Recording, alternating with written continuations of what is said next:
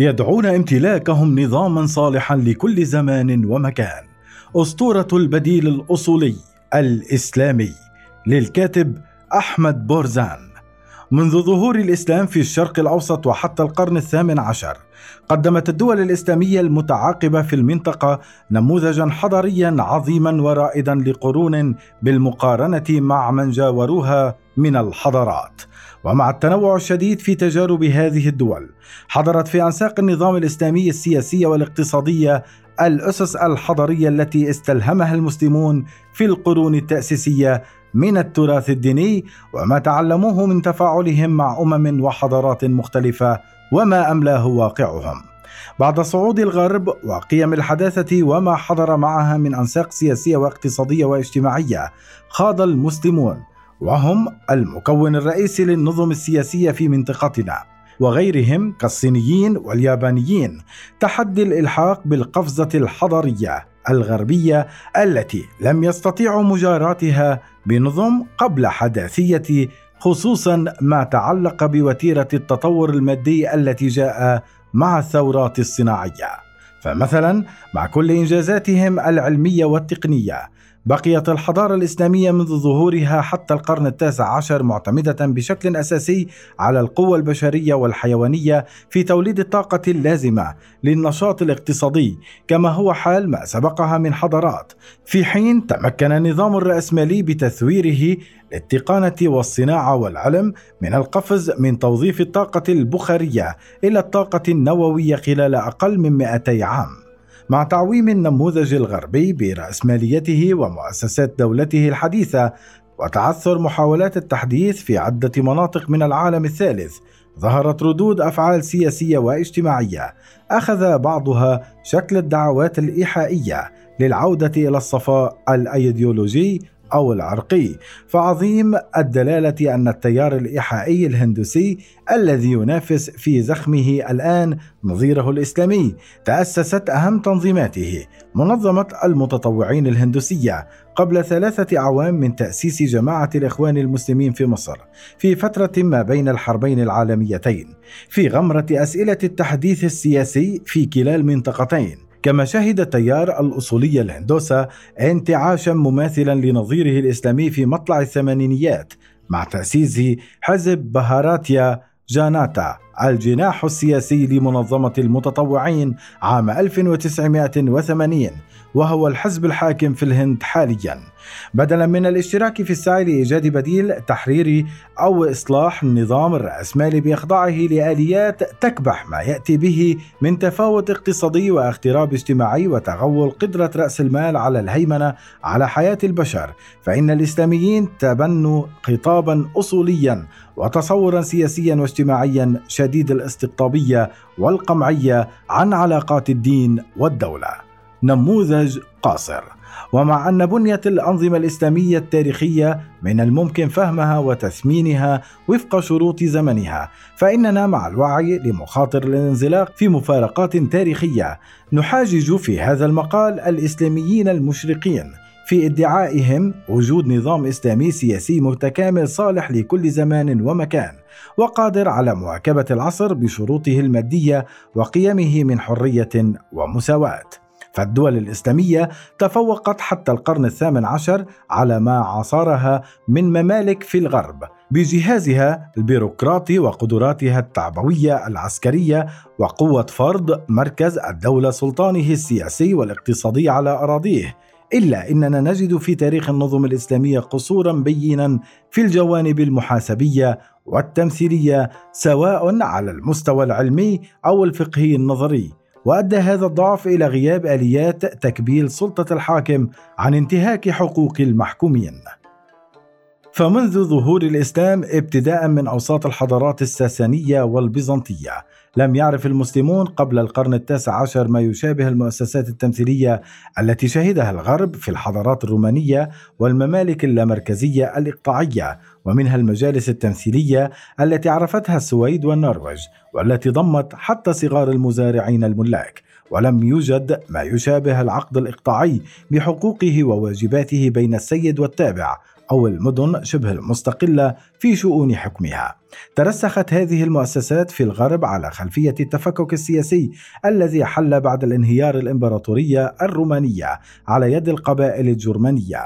ويمكن عزوه إلى تكافؤ الممالك الأوروبية في درجة تقدمها المادي بالإضافة إلى الطبيعة الجغرافية الأوروبية المتقطعة بالعديد من السلاسل الجبلية والأنهار وساحلها المتعرج ما وقف حائلا إنشاء امبراطوريات مركزيه شاسعة في جغرافية الغرب كالتي عرفتها جغرافيا المسلمين والصينيين بسهولها وانبساط أراضيها بالمقارنة مع غرب أوروبا.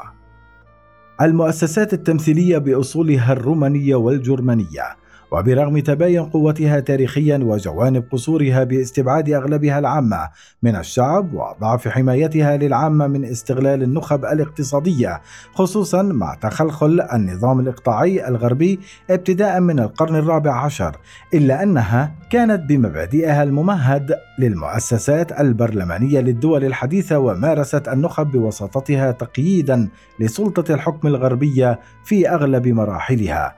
وبينما غابت الأسس التمثيلية الغربية عن الصين فإن الحضور القوي للمبدأ الكونفوشيوسي تفويض السماء شرع الثورة على الحاكم إذا أساء إدارة الدولة ووفر سندا ايديولوجيا لمحاسبة نظام الحكم. وعلى سبيل المثال فقد نجحت ثورات المزارعين الصينيين في إنهاء حكم خمس سلالات صينية.